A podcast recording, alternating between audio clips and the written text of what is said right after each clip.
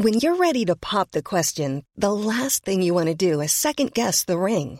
At Bluenile.com, you can design a one of a kind ring with the ease and convenience of shopping online. Choose your diamond and setting. When you find the one, you'll get it delivered right to your door. Go to Bluenile.com and use promo code LISTEN to get $50 off your purchase of $500 or more. That's code LISTEN at Bluenile.com for $50 off your purchase.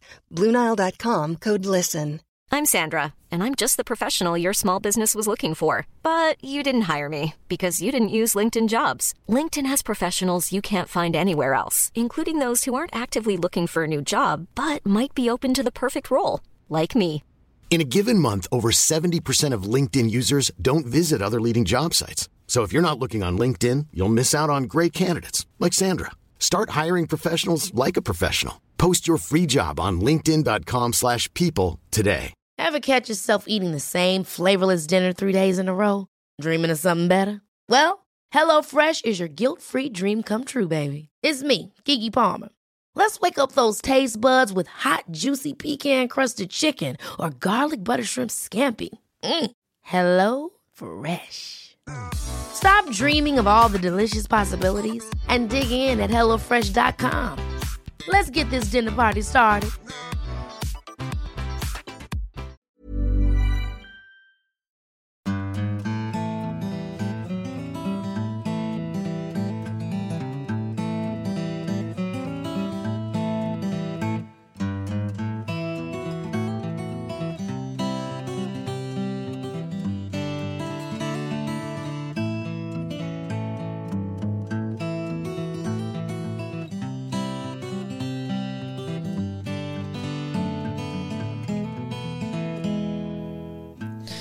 Hjertelig velkommen til en ny episode av Hall og knall-podden. I dag er det mandag som vanlig, og det er 10. oktober, skriver vi.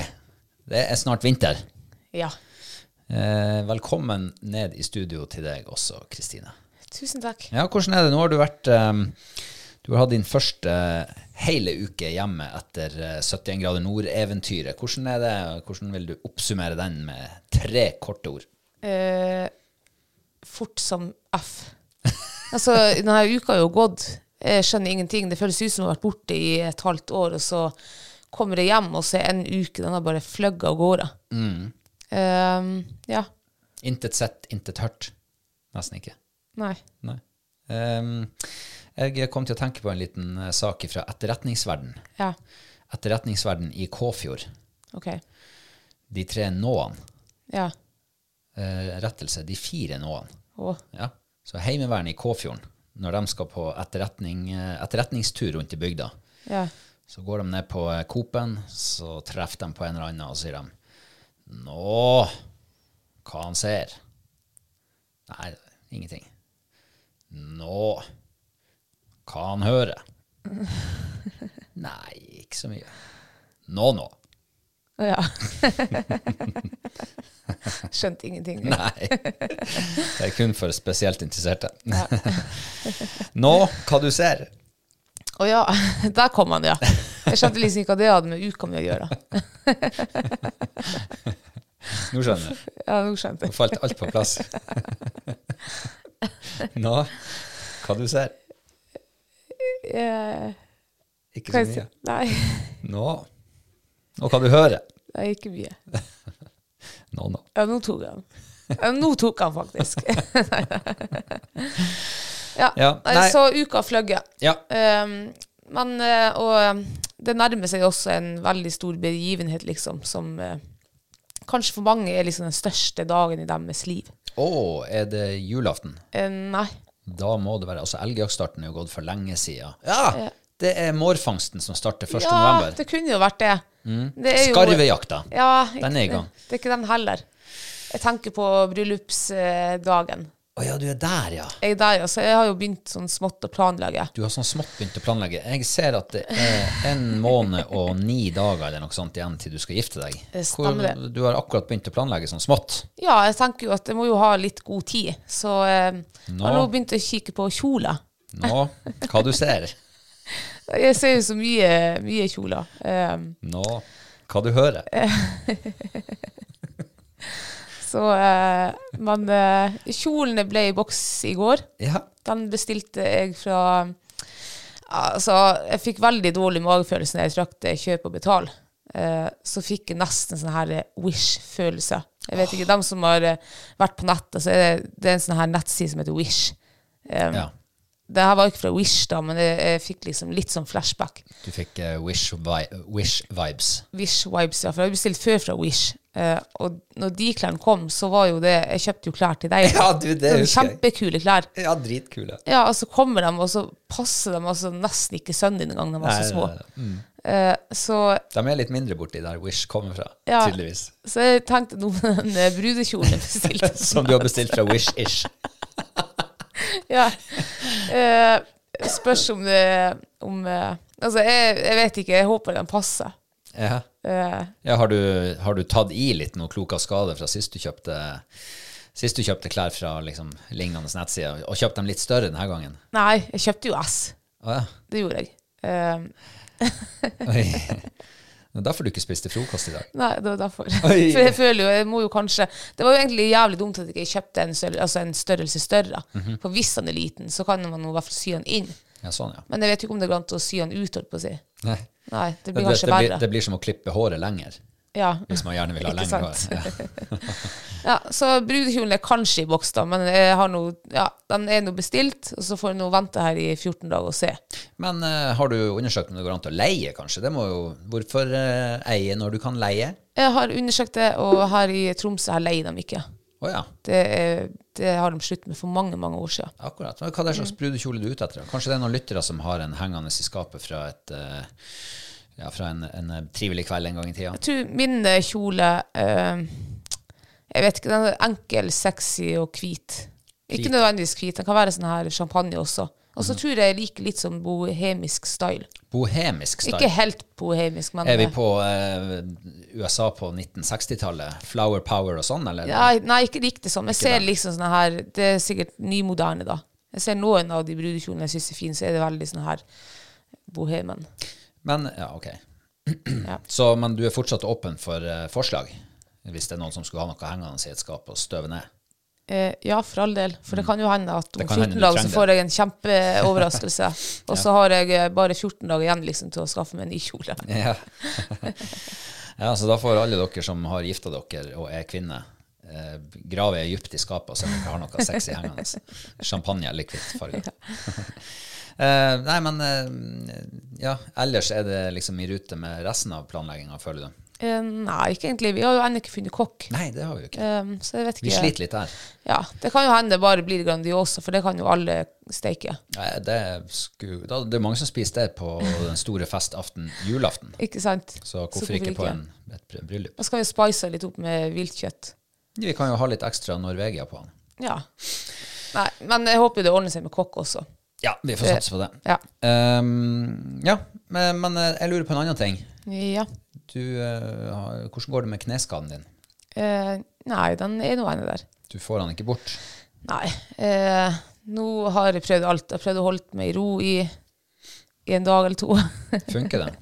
nei. Nei. Funker, det funker ikke å gå, og det Nei, det funker ingenting som funker. Har du prøvd massasje? Ja, nei, det har jeg ikke gjort. Akupunktur? Nei, det har jeg ikke gjort. Har du prøvd å være hos legen? Nei, det har jeg heller ikke gjort. Du har, et, eh, du har noen muligheter ennå å, Ja, å, å, men nå å er det sånn, jeg har jo litt, eh, eller jeg har veldig legeskrekk, så liksom eh, ja, Hvis du ser på journalen min, min på både legekontoret og tannlegekontoret, så Kristine Tybo Hansen hun er kun der når det er akuttimer. Mm. Eh, men det kan jo hende at jeg må ty meg til å få noe til de knærne. Ja. For det er jo sikkert betennelse eller et eller annet. Ja, nå er ikke jeg noen lege, så ikke påberope med det, men eh, det aner meg jo at det er et eller annet som, eh, som trenger behandling. Ja. Eh, mer enn en dag eller to på ro. Du er en utålmodig type, du. ja eh, Utålmodig det sjel. Rastløs i skal jeg ikke krangle på. Nei. Nei. Eh, det er en veldig dårlig kombinasjon det når man skal prøve å få fiksa på en skade. Ja, men jeg tenker, og i morgen, så, i morgen skal jeg jo på skogsfugljakt, årets første her på hjemmebane, så da kan jeg jeg kan liksom ikke tillate meg å holde meg i ro da heller. Men jeg kan prøve en par dager til etter etter, det, ja. etter det. Ja.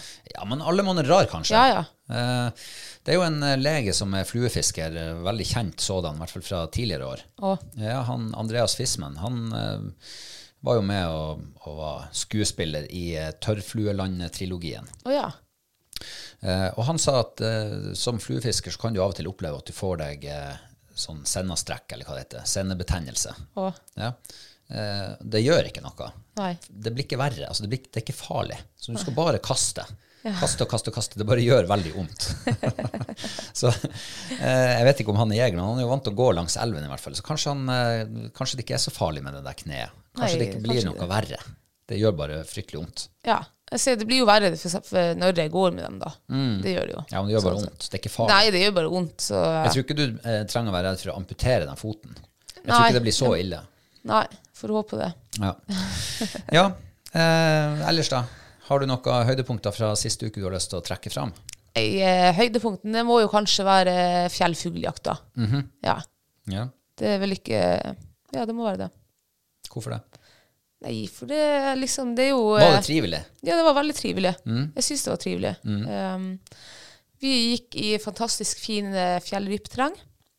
Eh, ja, det som, ikke, altså det som var litt sånn her når vi parkerte bilen der, det er jo at det er tre andre biler. Ah, Også, litt malurt i begeret. Ja, og så liksom spotter vi jo langt framme i terrenget der vi hadde planlagt å gå. Der gikk det jo allerede fire-fem stykker. Ja. Uh, men, et, men det var jo støkkjegere. Tenkte, vi har jo hund. ja. Så, Vi eh, dekker litt større områder. ja, og så så vi jo rype egentlig Det tok ikke så lang tid før vi så rype. De var jo livredde. Så, Og snehvit. og snehvit, ja. Så um, da tenkte jeg at nå kommer altså Jeg er litt skeptisk til hvordan jaktdagen kommer til å bli da. Men uh, dagen i seg sjøl var jo kjempetrivelig. Hundene elska jo å springe som de nå bestandig gjør. Um, vi fikk nyte fin natur. Eh, det viste seg jo at det var en annen jeger også i området, og det var jo jerven. Ja, det var jerven. Vi hadde, fikk et lite glimt av han. Vi fikk en glimt av han. Jeg trodde først det var en svær hund som kom trøende på 150 meter. Vet du hva jeg trodde det var først? Ja, det, du hørte det. Eh, jeg trodde ikke det var på 150 meter. Jeg trodde Det var, så det er jo vanskelig å anslå, anslå avstand i fjellet. Du har ingenting å sammenligne med. Du ser at det er en knaus der borte, og jeg tenkte at det der er nå en knaus som er Altså, jeg tenkte 50 meter, liksom, det var rett borti der, et steinkast. To Ja. steinkast unna. Så jeg tenkte jo først så tenkte jeg røyskatt. Nei, jeg tenkte den, hadde ikke, den, er, den er for liten. Og mår, da, tenkte jeg. Ja. Og så tenkte jeg med det samme at mår helt opp på fjellet mm. Men Men du var jo inne på riktig liksom, rase. Ja, det var jo det er jo mårdyr, så Ja, det Men det er jo helt utrolig. Jeg husker du sa at nei, var ikke det røyskatt eller mår? altså, hallo, Robert. Det var jo altså, altfor stor. Ja. Men jeg så jo For- at ikke det var noe rev, jeg også. Ja, ja. Uh, er rart egentlig at du tenkte rev. Du tenkte røyskatt. Ja, for jeg så jo at det var ikke et revedyr. Det var et, et mårlignende dyr. Ja. Og men eh, sant, når man da begynner å skritte opp eller gå dit, så var det jo mye mer enn 50 meter. ja, ja. Og tre ganger i hvert fall, kanskje fire også. ja. Og da, og da rimer det jo mer med jerv. Ja, og så er det vel uh, Jerven den var jo ganske mørkt, det dyret vi så. Mm. Eh, altså jompene. Men jeg så ikke at han verken jompa, eller, eller jeg fikk ikke noe Jeg fikk liksom ikke noen oppfattelse av Nei, farge så, heller. nei, for du så han da han sto i ro der. Jeg så han jeg bare jo- i ett til to sekunder cirka. Ja, jeg så han kanskje i seks-syv sekunder, for han kom jompende opp. Men når jeg ser dyr som på fjell, eller uansett, da, så sier ikke jeg noe. Jeg bare blir stående og kikke. Ja. Sånn, så Ingen varsling blir ropt. Nei, det er ingen varsling, så det er liksom, da jeg holder helt kjeft, og så bare ser jeg. Ja. Observerer. Og derfor fikk du et langt glimt av den. Og fikk Ja. faktisk studert den litt. Ja. Så da, sant, da kommer vi to jegere bare og skal gå i terreng der det allerede og vi, Da hadde vi observert åtte stykkjegere og pluss en jerv. Jeg tenkte det her er jo håpløst. Mm. Ja. Vi får nå gå og spise den lunsjen om ikke annet. Ja. så vi gjorde det. Mm. Spiste lunsj, og liksom Ja, så er det vits å gå noe lenger? Men så hadde vi jo to kilometer lenger fram i terrenget, da hadde vi jo snø. Ja. Og eh, vi tenker jo det at når, eh, når, det er, når rypa er blitt hvit, og det begynner å komme snø opp i toppene, så er det der man finner rypa. Ja. Mm. Så vi hadde jo litt sånn dragning opp i høyden, og så enda mer høyde. Vi hadde jo det, og så tenkte jeg hvor eh, Det er ikke så enkelt å, å eh, oppdage hvit rype på hvit snø. Så det kan jo hende at de ikke har vært og trødd liksom over der. Og den nysnøen, den er ganske hvit, altså. Ja, det, ja, det Den- den er- blender jo øynene på Ja, ikke sant? Og rypa er også ganske hvit. Så de, de eh, smelter fort sammen, de fargene der. Ja, de gjør jo det. Eh, så vi gikk jo dit bort, da. Og det var like steinedødt. Og vi hadde jo ikke hørt skudd heller liksom, på hele dagen. Så vi tenkte det er jo like dødt altså, hele veien foran oss. Og så ser vi Og det er jo litt artig, eh, selv om det er jo ikke artig. Det hadde jo sikkert vært eh, hvis Vi ser fire støkkjegere da i horisonten. Og så tenkte vi at vi må bare avskjære dem, for de var på tur å gå tilbake i det terrenget. Vi skulle liksom gå tilbake igjen. Så vi avskjærer og bare snur med våre tre hunder. Og da syns jeg er det litt artig, for um, jeg kan bare tenke meg dem som så oss, hvor demotiverende det må være å gå fem kilometer tilbake, luftlinje til bilene, når det går to jegere der med hunder. og det er litt artig, for hadde jeg vært en av de stykkene der, så hadde jeg så, vært så demotivert. Jeg tror bare jeg hadde tatt raskest vei ned til bilen. For jeg hadde sikkert tenkt at de støvsuger terrenget. Her er det ikke vits å gå. Ja. Men eh, altså, hunder støvsuger ikke ter- terrenget allikevel. Nei, de gjør jo ikke det. Så det jo, hadde jo vært muligheter uansett. Mm. Men eh, hadde jeg vært eh, de jegerne der, så hadde jeg bare sluppet meg litt lavere i terrenget. For det var jo ikke rype oppe i sneen. Nei, det var jo ikke det. Og, eh, og de kom jo ifra solsida. Der vi var Altså, vi var jo i solsida forrige uke, forrige helg. Så da hadde jeg faktisk sluppet meg litt ned i sida og kommet bort ifra de der eh, støvsugerne som var oppe på fjellet der. Det hadde jeg gjort. Så jeg, alt håp var ikke ute, tenker jeg, for dem allikevel. Nei, det var jo kanskje ikke det. Og, men jeg tenker jo også at samtidig så skal jo vi gå tilbake der det allerede har gått folk. Så men jeg tenkte da at da, da er det ikke ryper i dag, for vi hadde ikke hørt noe smell. Og så går vi da, og så, når vi kommer litt lavere ned i terrenget, der spotter vi jo en hel flokk med ryper. Eller et stort kull, da. Det var vel en tolv fjellfugl som satt i lag der.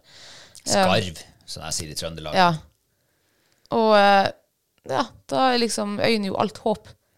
Her har jo gått folk før i dag. Det har jo det. Og det sitter fortsatt en stor gjeng med ryper. og en stor gjeng med ryper som overhodet ikke brydde seg om oss. Nei, så vi gikk jo inn altså, på helt åpne landskap, og de, eh, de sto nesten og lekte der i det der svaberg og silte ned på glattisen. Og, Mm. Ja, det var artig. Ja, det var faktisk artig. og jeg ble så overraska over at vi faktisk fant rype der i det hele tatt. Vel vitende om at det har gått eh, masse folk forbi i samme område tidligere på dagen. Um, og, og at vi egentlig var på nedsida av sneen. Ja. For det var der vi skulle finne rype. Ja. Så når vi var oppe i sneen og ikke så en fjær der oppe, så tenkte vi at ja vel, da har de fløyet til et helt annet fjell i dag. Og så kommer vi bare litt lenger ned der, og så finner vi det kullet der. Det var artig. Det var artig. De, de, eh, forrige helg så var det jo også sånn at de, vi gikk inn på dem, og de satt nå der og vaska fjærene sine og brusa med fjærene og flaksa litt og, og spiste litt, og det var ingen Ja. stress i dem. Det var ikke De brydde seg ikke om oss, i hvert fall. Nei, og det er liksom, da syns jeg liksom, eller i hvert fall Nå, er jeg, nå er det jakta kanskje bare i halve mitt liv, men av mitt halve liv da når jeg har jakta fjellfugl kontra lirype, så på denne tida så er det veldig ofte at fjellrypen er mye, mye tammere enn lirypen. Lirypen på denne tida den kan være så nervøs, og de flyr på 60-70 meter. Um, mens hun må du nesten rygge for å liksom ikke ja, ødelegge kjøtt. Ja, At ikke du kommer for nært. At vi kommer for nært, nei. Eh, så det er jo Ja. Det, Men, men jeg får jo litt sånn der eh, Det her har jo skjedd med meg før, når vi har vært på fjellrypejakt, og så sitter kull der, og så begynner vi å gå inn på dem, og jeg får sånn der Nei, nå, nå, nå må vi altså skyte hvis vi skal få has på dem. Ja, jeg vet det. og For du det er begynte jo Jeg tror vi var 50 meter, så sa vi skal vi ta dem. Så nei, vi må nærmere, Robert. Men det er jo sant, når du ser røyskatt, som egentlig er en jerv på 150-200 meter, så tror du det er 50 meter, så du skjønner jo at det avstanden på fjellet er litt vanskelig.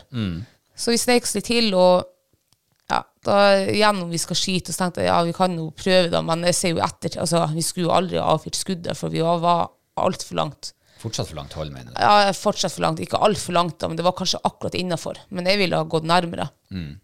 Og det ender jo da med at vi skadeskyter en rype. Ja. Eh, sånn som skjer. Sånt skjer. Sånt skjer, og han var på tur og liksom og Jeg var sikker på han skulle deise i bakken der. Ja, jeg var, det var jeg For han mista så høyde. Ja. Og så klarer han å få litt luft under vingene. Og sånn, så borte blir de jo. Ja. Runda svingen liksom på fjellet. Og, eh, så vi fikk jo sendt på den eh, hunden, gammeljegeren. eh, så um, det tok ikke så lang tid, så peip du stand. Et par hundre meter borte for, Og på samme høyde. på samme høyde. Ja. Og vi kommer til, og jeg ser jo ingen ryp foran hun fight. Altså, hun står helt åpent. Jeg skjønner ingenting, og så går hun et tilskritt, og der plutselig lette den rypen ja, det, var ikke, det var rett foran nesen på nesten. Ja, var- Mm. Dæven hvor de trykte. Altså, han har ligget skinnflat imellom mellom en liten stein, liksom. Har ikke sett han. Og da kom jo hunden i skuddbildet, så jeg måtte jo holde skudd, og så skyter jeg igjen altfor langt hold når jeg, når jeg kommer vekk fra hunden. Og vi sender Fay på nytt. Vi tenkte jo, kan det være skadeskutt? Så tenkte vi nei, det går ikke an til det samme rypa, for han fløy jo så bra. Og så drar hun på nytt, 200 meter, ny stand.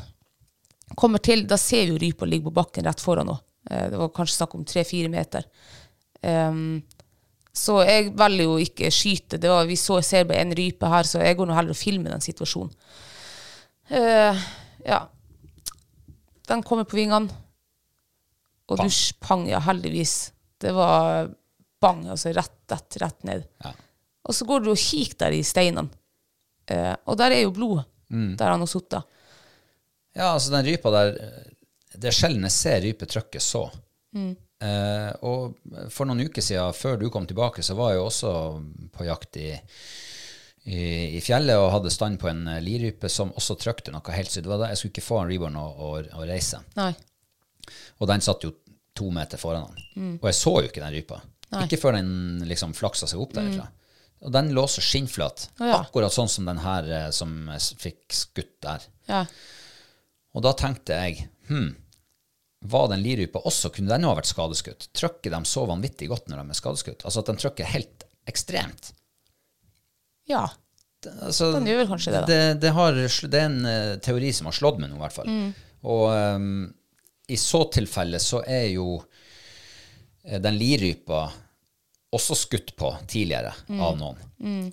Og den har ligget altså, skinnflat ned i en liten grop. Mm. Um, og nå var jo den her også skadeskutt. Det var jo blod, ferskt blod. Så Ja. det er jo antagelig den rypa som vi traff uh, litt eh, noen minutter tidligere. Ja, eh, jeg er nå ganske sikker på at det var den samme rypa. Det var samme høyde, og den for alene mens resten av flokken fløy, liksom, så de ble eltende alene. Ja.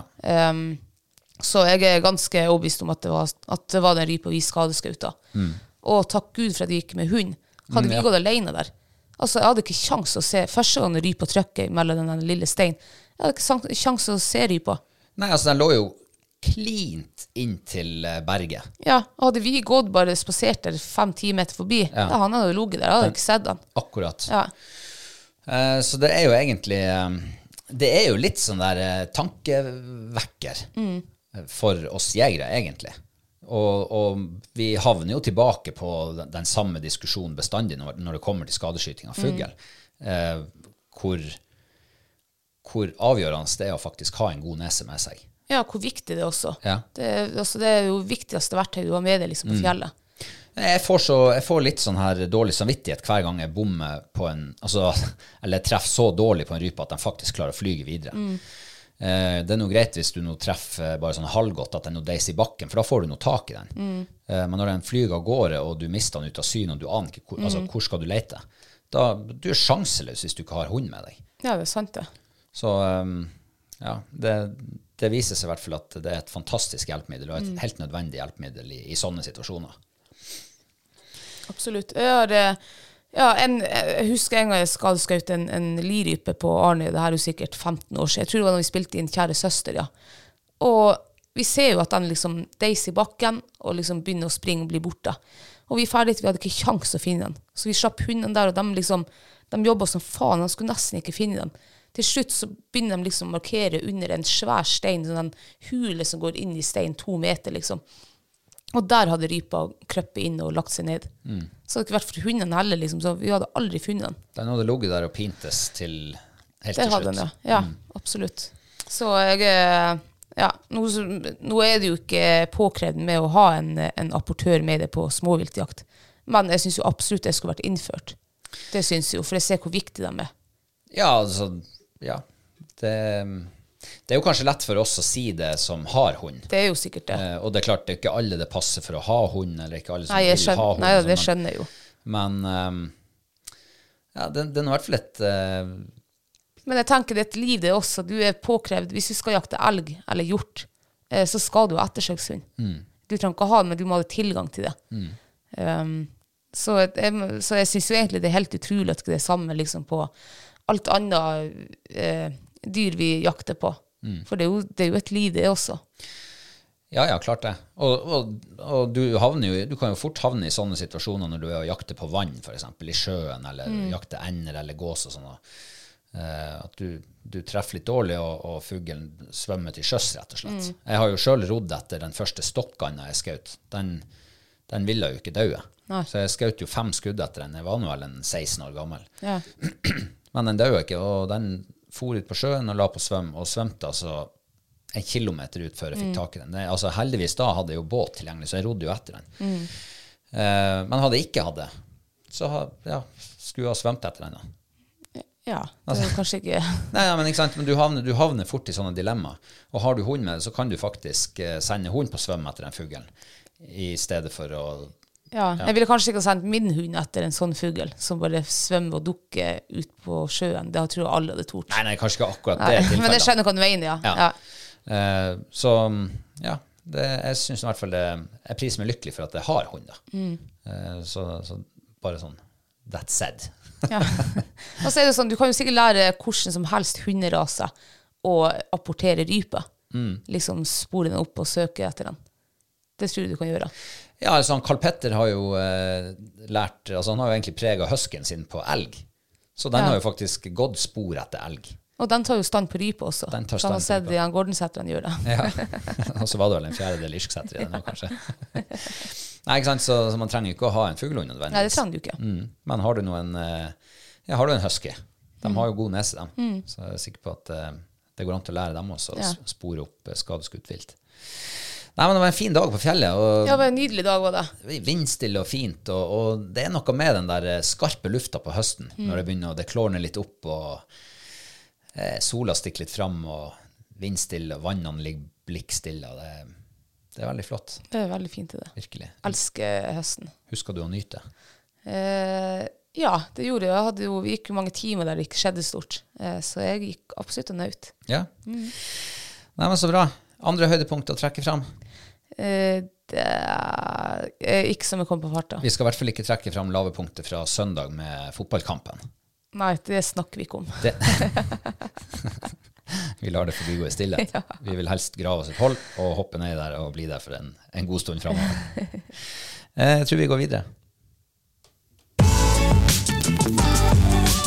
Ukas, ukas, ukas, ukas, ukas, ukas snakkes! Ja da. Ja. Eh, For jeg har nemlig vært på et eh, frokostseminar Oi. eh, i forrige uke. Ja. Litt sånn tilfeldig, egentlig. Men det er altså et Det handler om vindkraft. Det er et selskap som nå har søkt, eller som ikke har søkt, men de ønsker å søke om å produsere vindkraft opp i Reisadalen. Ja. Og i Kvænangen og i Kåfjorden, blant annet. Eh, Jeg ble jo litt nysgjerrig på det her, for det, da skulle de ha folkemøte og fortelle litt om planene sine, og eh, ja, hvordan de tenker om det her eh, vindkraftprosjektet sitt. Så jeg måtte fare på det. Eh, først og fremst vil jeg si at det var veldig interessant. Jeg, aldri, jeg kan ingenting om vindkraft fra før av.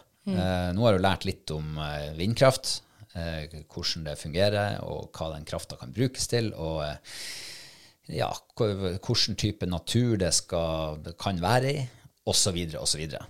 så veldig spennende. Um, men vindkraft er jo litt sånn Det skaper mye debatt. ja, absolutt. Det er mye, det- er mye sterke meninger rundt vindkraft. Ja.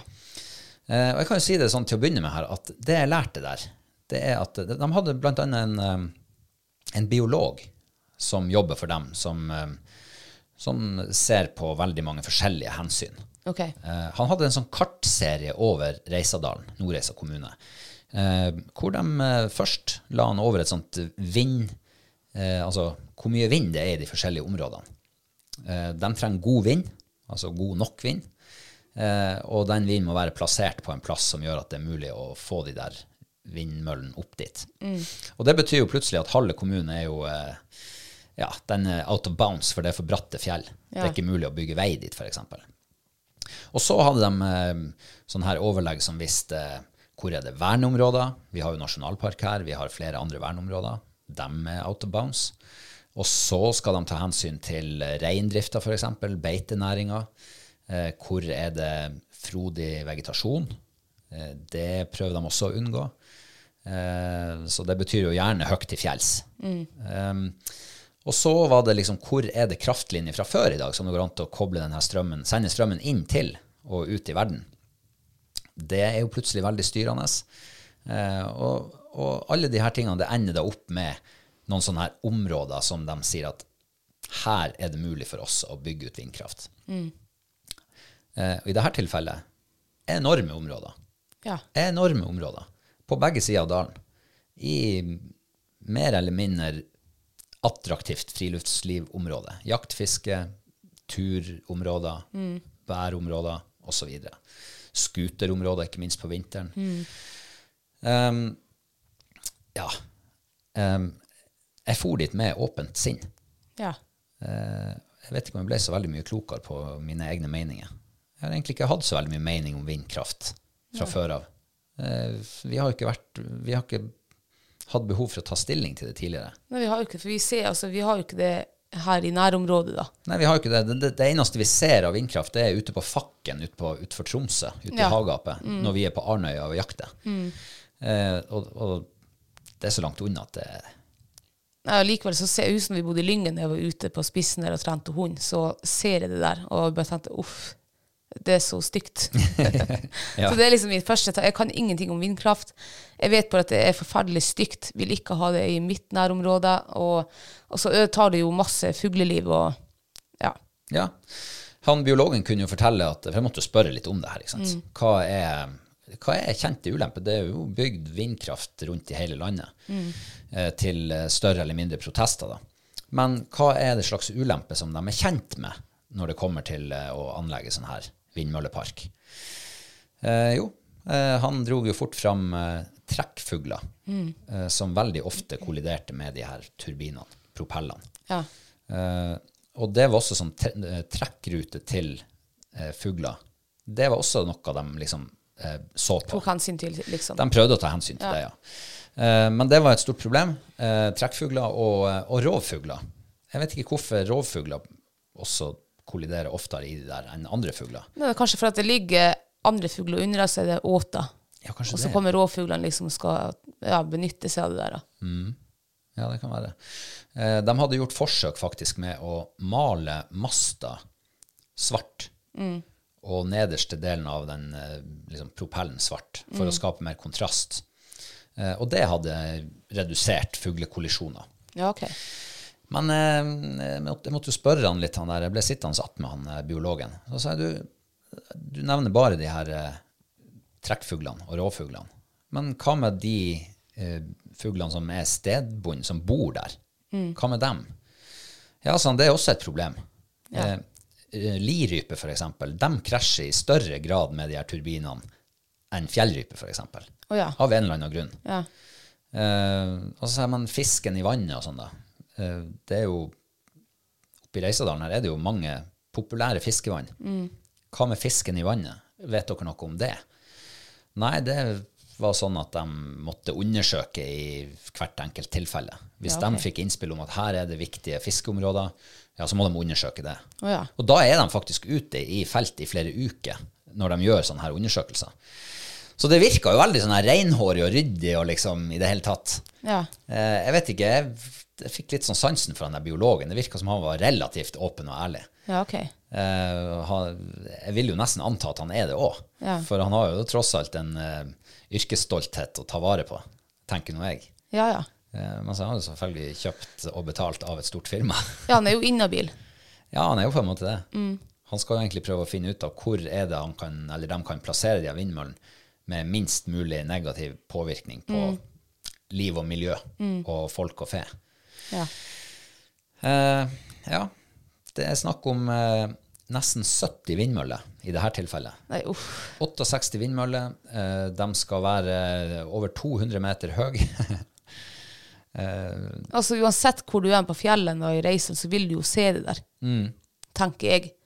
det høres veldig sånn ut. Ja, det gjør jo det. 200 Eh, meter, det er jo nesten, do- altså, nesten dobbelt så høyt som Oslo det, Plaza. Ja, det er ganske høyt, det, altså. Um, nei, jeg vet ikke om jeg er Altså, jeg skjønner jo at vi må ha strøm, og at vi må eh, liksom fornye oss og Men eh, kan jeg faen ikke Kan de ikke finne andre områder? De trenger ikke komme hit til oss. Ja, det var kanskje litt barnslig sagt, men uh, uff, jeg vet ikke om jeg er Jeg, jeg er ikke for det, tror jeg. Nei, altså de, de legger beslag på mye områder. Store areal. Ja, de gjør jo det. Et sånt anlegg på 68 eh, vindmøller, det trenger ca. 30 kvadratkilometer Ja. med, med areal. Det er ganske stort, det. Det er ganske stort, det. Ja. Det er fem ganger seks kilometer. Da er det plutselig Ja. Ja, altså De områdene de er jo ødelagt for bestandig da, for, med tanke på dyreliv og kanskje eventuelt fiskevann og ja, turliv og ja. Jeg tror ikke du kan gå inn i en sånn vindmøllepark og, og stille deg og fiske der. Nei, ikke sant. Eh, og hvert fall ikke en fluefisker? Det er jo vind hele tida. ja. det kommer til å være blåsing på vannet hele tida. Kanskje det egentlig bare er en velsignelse for oss fluefiskere hvis de legger det langt til fjells, der det bestandig blåser. Så vet vi at vi slipper i hvert fall å gå dit. Ja. For der står det uansett vindmølle og snurrer. Nei, eh, altså, det som slo meg, var at de hadde jo veldig mange gode argumenter for å, å lage sånne vindkraftverk. ja. De lokker jo kommunen med vanvittig mye penger. Altså enorme summer. Og vi vet jo alle hvordan det går med kommuneøkonomiene rundt omkring. Eh, det er stort sett eh, bankerått. ja. Eh, og det er klart at eh, når du sitter som eh, ordfører eller kommunepolitiker og får presentert regnestykket hvor det er snakk om eh, ja, hva det kunne være, 10-20 millioner i året, kanskje mer, og 30 millioner i året i, i inntekter. ja. Det er vanskelig å si nei til det. Jo, jeg, den, jeg ser jo den. Så jeg, jeg vet da farsken, jeg. Eh, Og masse arbeidsplasser. Ja. Masse arbeidsplasser. Eh, Anlegg for 4-5 milliarder kroner skal bygges. Ja. Det betyr noe for eh, samfunnene. Ja, det gjør jo det. Men ja, jeg klarer liksom ikke å, å tenke bort, eller legge mine eh, følelser og interesser liksom til side for det der. Det føler jeg at jeg klarer ikke. Men Reisadalen, da? Ja. Det er, jo, eh, det er jo en stor dal, en stor kommune. Vi er Norges fjerde-femte største kommune. Eh, kan ikke vi avse litt plass til strøm?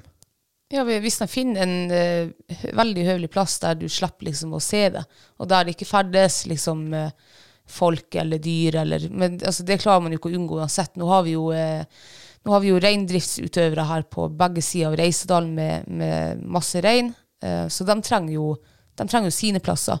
Det er jo eh, ja, både kalvingsplass og det er flytteplasser og ja. Så du, kom, du kommer ikke unna det uansett, tenker jeg. Det går ikke. Nei, du kommer jo antagelig ikke det.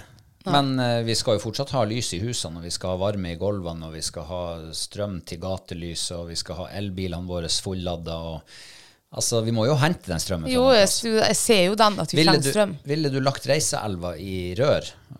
Nei. Det vil, eller nå, nå kunne man sikkert ha gjort det, for det er jo ikke laks i elva. Ja, Så vi kunne jo egentlig ha lagt den i rør. ok. Og satse på pukkellaksen som kommer litt annethvert år. Nei da, det ville jeg heller ikke ha gjort. Da, um, heller vindkraft enn å eh, liksom ha sånn her vann, vannkraft, demning og sånn, for det er jo også helt utrolig stygt. Pluss at det er jo masse ødeleggelse for, eh, for fisk og sånn i. Ja.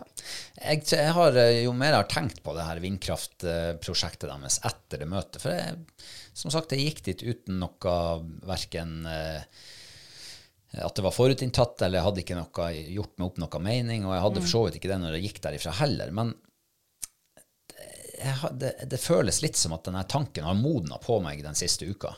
ja. Og mm, jeg vet ikke helt om jeg klarer å se for meg 70-220 meters høye vindmøller oppi fjellheimen min. Nei. Um,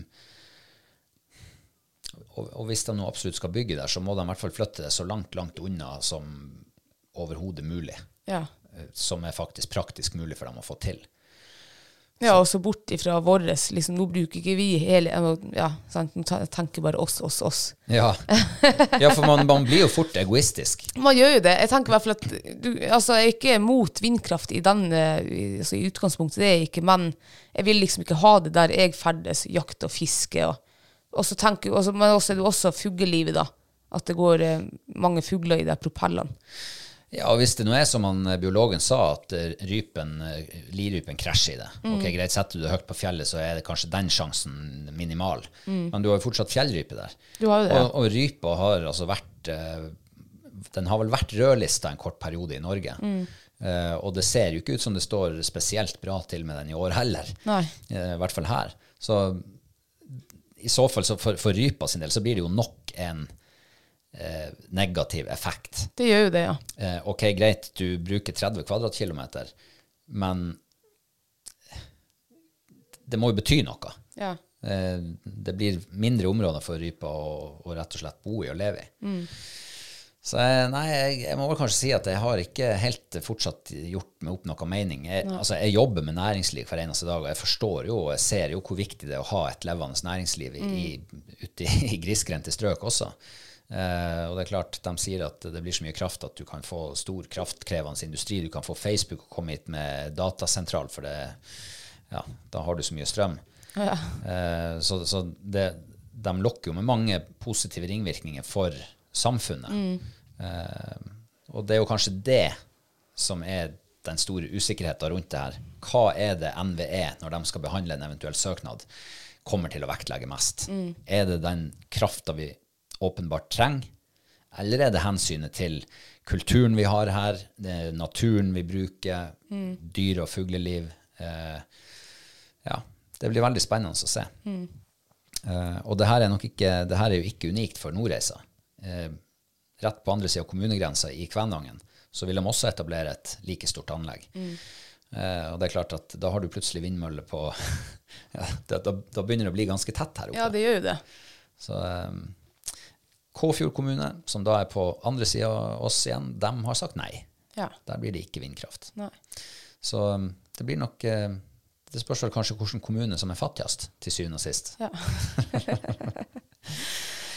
Nei, men det blir spennende å følge med. Og um, jeg fikk jo faktisk en telefon fra en her tidligere fra en som, eh, som gjorde meg oppmerksom på det her eh, prosjektet. Ja. Eh, han eh, var engasjert i eh, Motvind, som er en interesseorganisasjon mot vindkraft. Um, de kjemper jo mot å få etablert sånne her vindkraftparker. Så det er sterke interesser, sterke meninger. Det blir veldig spennende å se hvordan det går til slutt. ja. Yes. Vi må vel bevege oss bort fra, eh, ned fra fjellet og vindkraftparken og inn på kjøkkenet, kanskje. Ja. Eh, vi er over på ukas mathøydepunkt. Yes. Vi, eh, for en uke siden så satt vi her og snakket om rypa som var nyflådd og som skulle tilberedes og lages. Og jeg må jo si at den ble jo fantastisk god. Så det, den stiger jo inn som mitt eh, mathøydepunkt denne uka. Ah, rypa, ja. Rypa, ja. Og Ja. vi gjorde jo en liten sånn twist. Vi hadde jo ikke den eh, ja, tradisjonelle rypemiddagen med liksom rypekraft og, og greier. Fløtesaus og Ja. Eh, så nå hadde vi sånn her eh, eh, Herregud, nå mista jeg det helt. tomatsaus. Nei. Nei. Eh, hva det heter den epla? Um, sellerirot. Nei. Eple. Den sausen der. Eple med sånn her masse små epler inni, holdt på å si. Granateple. Granateple på farsken. Det var det vi hadde, ja. Det var ikke tomatsaus. Nei, Vi hadde ikke tomatsaus til rypa. Nei, Robert. nei, nei, det var granateplesaus. Ja. Granateplesaus. Vet du hva, den, var, den syns jeg faktisk var sykt god til rypa. Det er liksom, den ble, så, den ble sånn frisk rett. Det ble ikke sånn her tungt og, og um, trøtt, liksom. Det var fantastisk god. Så hadde vi sellerirotchips. ja. Ja. Eh, og så hadde vi vel gulrøtter fra Ja, ikke fra vår hage, da, men eh, fra svigers sin hage. ja. Mm. Så hadde vi grønnkål. Og grønnkål, ja.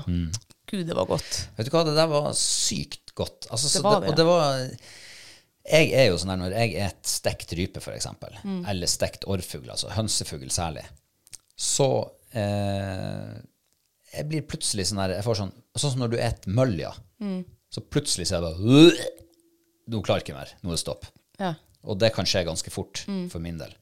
Men det her, det var noe helt annet. det var det. Det var som å gå på en gourmetrestaurant og få servert noe som du aldri kunne tenkt deg å lage sjøl. Og sånn, sånn frisk, lettspist, eh, lett, deilig rett. Ja, det var, det var snadder. Det var veldig snadder, var det. Så det viser seg jo bare at man kan eh, eksperimentere ganske mye, også med viltkjøtt. Ja. Det, altså, jeg tror jo at du altså, Jeg tror nesten alt kan passe til viltkjøtt. Kanskje ikke fiskesaus, da, hvit saus, men eh, kanskje ikke. nesten alt. Nesten alt. Og det slo meg jo også at eh, Eh, En sånn uh, appelsinsaus, eksempel, som man eh, ofte lager til gås. Mm. Ja. Mm. Det gjør jo også at retten blir veldig frisk og god. Jeg er sikker på det kan du også lage til rype. Det tror jeg også. Så um, jeg tror vi må prøve, prøve det også. Ja. Det blir jo bare en annen type frisk smak. Det litt, det. Mm. litt mer sånn sitrusaktig. Nei, det der, var, det der var ordentlig godt, var det. Det var, det var terningkast fem, var det. Ja. Eh, og det var ikke så langt unna en terningkast seks. Jeg vet egentlig ikke hva som kunne egentlig gjort det forskjellet. ja. Men um, det var ganske godt. ja. Jeg er ganske enig med deg. Mm. Jeg tror vel vi trilla terningkast fem begge to på den der. Det mener jeg å huske, ja. Um, jeg husker ikke om vi hadde noe god vin til. Um, jo. Det var da du kjøpte den der marokkanske vin. Var det det, ja? Yes. Ah, Og den var også ganske god. Passer perfekt. Og så, men også har jo eh, det har egentlig en veldig stor kontrast denne uka når det kommer til mat, eh, mat på bordet. ja, har du det, ja? Ja. Altså, sier du at du har et matlavepunkt? Ja, det er kanskje Det er eh, desidert årets matlavepunkt. Oi, Eh, oi, oi, oi, Kanskje oi. Nå, livets. jeg spisser ørene. Ja, for eh, eh, faren din hadde vært ute med garnene, sildegarnene, og hadde jo fått sikkert en par hundre sild. Så du ringer meg da på eh, om det var tirsdagen. 'Skal vi ha sild i dag?' Nei, sier i dag skal det bli kjøttsuppe. Ja, da, sild i morgen, da. Så ja, vi kan jo prøve stekt sild. Jeg har jo aldri spist det før. Um, men det er jo sikkert stekt fisk, eh, liksom. Ja, ja sild, liksom. Sild er sild, ja. Så Og, og det må jeg bare uh, si, at uh, bare sånn for å sette det litt i kontekst, det her. Mm.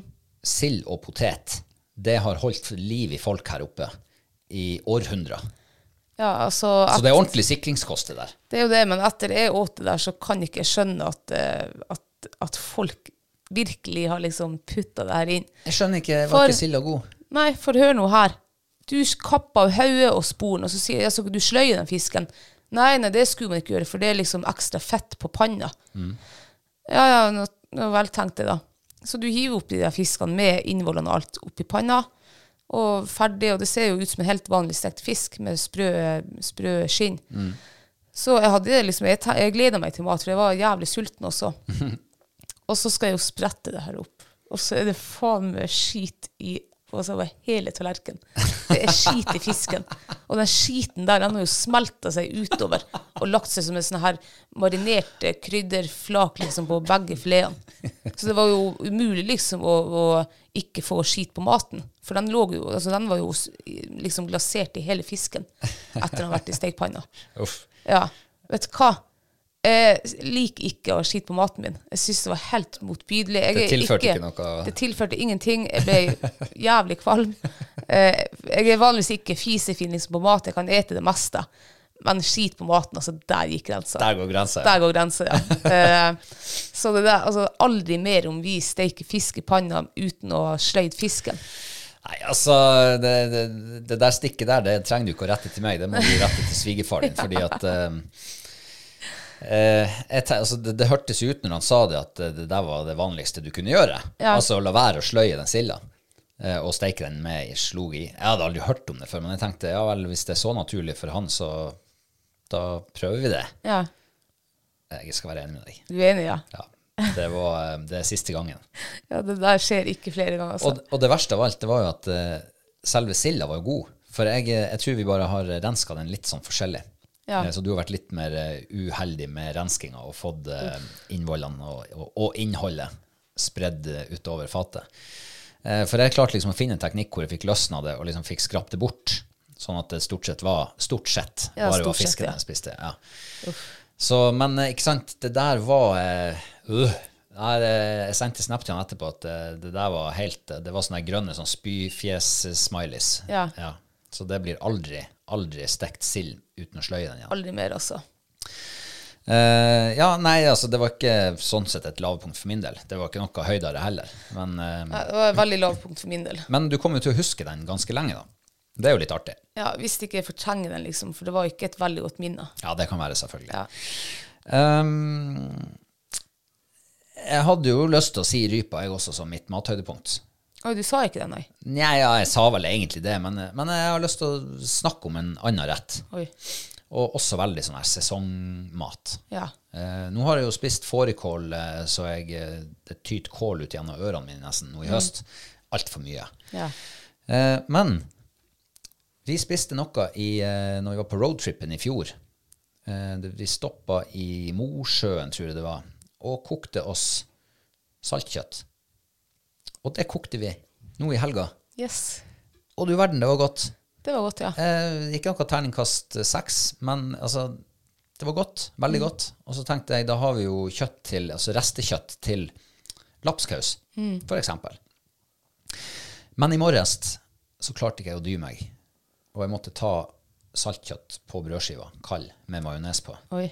Shit, det var godt! Var det godt? Det var dritgodt. Å, ja. Og vet du hva det minner meg om? De sauhaugene vi kokte i fjor. Åh, Vi bukna jo sauhaug, stemmer, ja. salta Gud, dem og bukna godt. dem, og så kokte vi dem, og så spiste vi dem etterpå på brødskiva, og å, det var godt. Ja.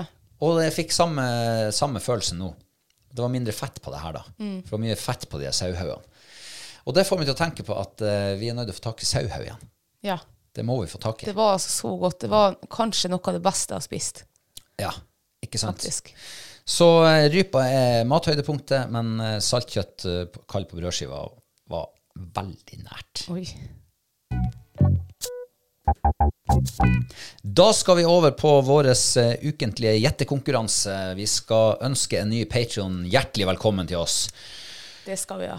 Vil du kjøre på? Ja, da ønsker vi han Lars Leirvik hjertelig velkommen. Ja, velkommen til oss, Lars. Det er veldig trivelig. Kjempestas. Og jeg ser på profilbildet, så er han i hvert fall rypejeger. Mm, det Og han sånn har en forster. Er det forster? kan det være en stri og et forster? Det var ganske smått bilde, men jeg, Jeg tror det er en strihåret. Irsksetter jeg, da. Men, eh. Å ja, irsksetter er det ikke. men du kjenner jo alle hundefolk i hele landet. I hvert fall de som går på jaktprøve. Har du møtt på han Lars eh, Leirvik noen gang? Det vet jeg ikke. Jeg tror ikke det. Eh, Jeg er så men dårlig husker, på navn, så jeg har Ja, det er jeg også. Jeg husker hundenavn liksom bedre enn menneskenavn. så hvis noen hadde fått vite hva hund heter hvis han går på jaktprøve Ja. Men han har nå i hvert fall Hunden har en fugl eller en rype i kjeften. Det tror jeg er lirype, ja. Og så holder han en par fugler i hendene. Mm. Og så er det liksom eh, ja, Det er jo ikke noe bakgrunn på det bildet, det er sånn eh, fjell eller noe, men han, Det ser ut som det er litt sånn det er litt høyt i terrenget. Ja, det er ikke skog der, som jeg klarer å se, i hvert fall. Nei, det er sånn lav skerry og Ah. Lars Leirvik. Ja, hvor, eh, hvor vil du henne i landet? Eh, det kan jo være hvor som helst. Å ja, det kan det si. Og jeg må jo bare komme meg ut av Trøndelag, for nå har jeg vært i Trøndelag i over et år, liksom, Ja. og gjetta. Mm. Jo Men du har jo sanka litt poeng, da. Jeg har jo det, ja. Og, og før du gjetter hvor han er nå fra, så kan jeg jo bare minne om stillinga i gjettekonkurransen vår. Ja. To og et halvt til deg, og et halvt poeng til meg. Yes. Så jeg trenger sårt poeng. Ja, jeg trenger sårt poeng. Eh, Lars Leirvik. ehm, ja, jeg tenkte jo eh, Troms. Ja vel. Ehm, Hva som får deg til å havne der? jeg, jeg prøver bare å komme vekk fra Trøndelag. Så jeg tenker, hva, hvor er neste, da, liksom? Så Troms, kanskje, da. Du kan jo tenke deg hvor i landet er det bra forstermiljø, da, for eksempel. Er det bedre der eh, noen plasser enn andre? Det tror jeg ikke spiller så mye rolle. Ehm, men ehm, jeg har jo bra lyst til egentlig Leirvik. Det er Leirvik. Ja, det høres veldig trøndersk ut. Så, men jeg må si Jeg sier ehm, Jeg sier Senja, sier jeg. Du sier Det er Senja. Finnsnes, sier jeg. Finnsnes, ja. Ja. Ja, ja, Men faken altså, hvis han er fra Trøndelag, så ville jeg gjette at han er fra eh, Nord-Trøndelag en plass. Kanskje mm, Eller kanskje ikke Nord, kanskje Meråker. Ja, det ville jeg sagt. Altså, så da hvis han er fra Meråker, kan du- jeg et halvt poeng hvis Nei, han er det får du ikke, for du kan bare gjette én Ja, da sier jeg eh, hva jeg sa, Senja. Finnsnes. Finnsnes. S- Ja, du kan si Senja kommune. Senja kommune, sier Mm, da får du med deg Finnsnes også. Og hele Senja. Hvor du jeg tror det bildet er tatt da? Det bildet her, Tatt opp i Ånderdalen nasjonalpark? nei, det er tatt på Altevann, tror jeg. Akkurat. Ja. Nei, nå tror jeg kanskje du er Mulig du er spot on her nå. Oi. Eh, det, jeg kjenner han jo ikke. Å ja, jeg tenkte du visste hvor han var. Nei, nei. Nei, ok. Men eh, jeg fikk i hvert fall eh, Lars Leirvik, ja. Trønder, ja. Trønder, ja. Ja, ja, ja, ja. Så jeg vil til Trøndelag denne gangen. og det slo meg med en gang jeg leste navnet. Jo, ja, for det slo meg jo som jeg, nå, altså, jeg er i Trøndelag hele tida. Mm. Så det kan godt hende at hjernen min nå er installert til å lure, altså til å tro at alle etternavn er Leirvik, altså Ja. trøndersk. Ja. Ja. Um, men hvor i Trøndelag? Jeg må jo nesten snirkle meg inn mot et uh, litt mer avgrensa område enn Trøndelag, for det er jo stort. Det er stort, ja. Eh, og hvor kan det være at de har sånn høyfjellaktig i det? Da har du jo plutselig Dovre, for eksempel. Kongsvoll. Uh, Skjækerfjellene. Men Dovre Ja, ja, det er sant, det er ikke Trøndelag, men det er jo like i nærheten. Ja, så nord, Nord-Dovre er nå. Altså Oppdal, liksom. Det er jo rett før du kommer til Dovre. Stemmer det. Det er i Trøndelag. Det er ikke i Møre. Nei. Nei, nei, det er Men Trøndelag. Møre er langt kysten. Ja. Så eh, jeg, jeg, jeg peiler meg inn på en eller annen plass eh, mellom Trondheim og Oppdal, da. ja. Kanskje det er Berkåk. Berkåk. Ja, Ja. Kan, kan du si det, da? Kanskje oppe i Trysland nede og jak- Nei, Tynset, mener jeg. Det kan være. Eh, så hvis han nå skulle være i, der i Hvis han nå skulle være liksom Lundamo, for eksempel, så er det et halvt poeng til meg. Hvorfor det? Ja, for det er jo, Hvor på, Lundamo det er jo litt sør for Melhus. eh, På veien til Ja, det kan ikke du. Enten må du si Bergkokk, eller må du si Lundamo, eller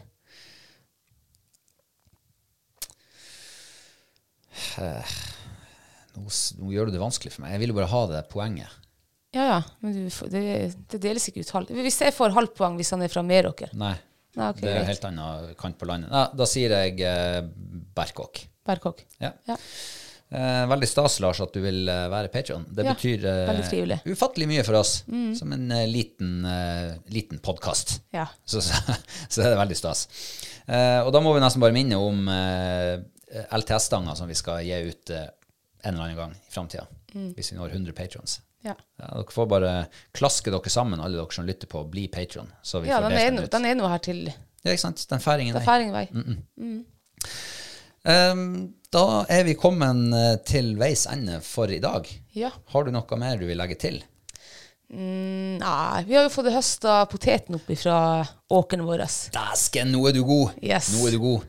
Så det har vi Det Hva var du syns om eh, potetavlinga i år? eh, Ja, det er bedre enn i fjor. Eh, litt skuffende. Jeg hadde håpa liksom det skulle være mer eh, Altså samme størrelse på alle liksom eh, kålene. Men det var liksom varierende størrelse På poteten, ja. på poteten, ja. Mm. Eh, ja. Men, men jeg må bare si at dagens middag i dag, for eksempel, da, som ble laga med kun kortreiste råvarer, ja. potet fra egen hage, Mm. eh, gulrøtter fra fattern sin hage, og eh, fiskeboller laga av fattern. ja.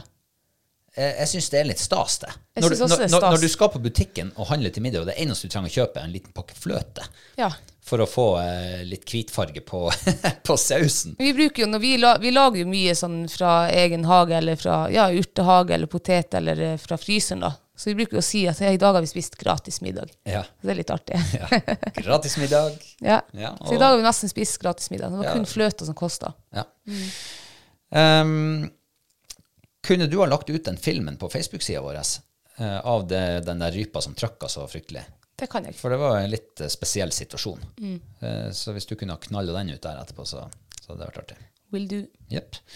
Og da er det bare å takke deg som har hørt på for at du har gjort nettopp det.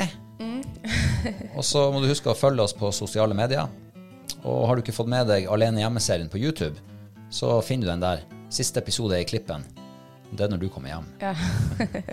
Så det er noen episoder fra eh, mitt liv alene. ja. Da høres vi igjen om en uke. Vi høres. Ha det bra! Ha det.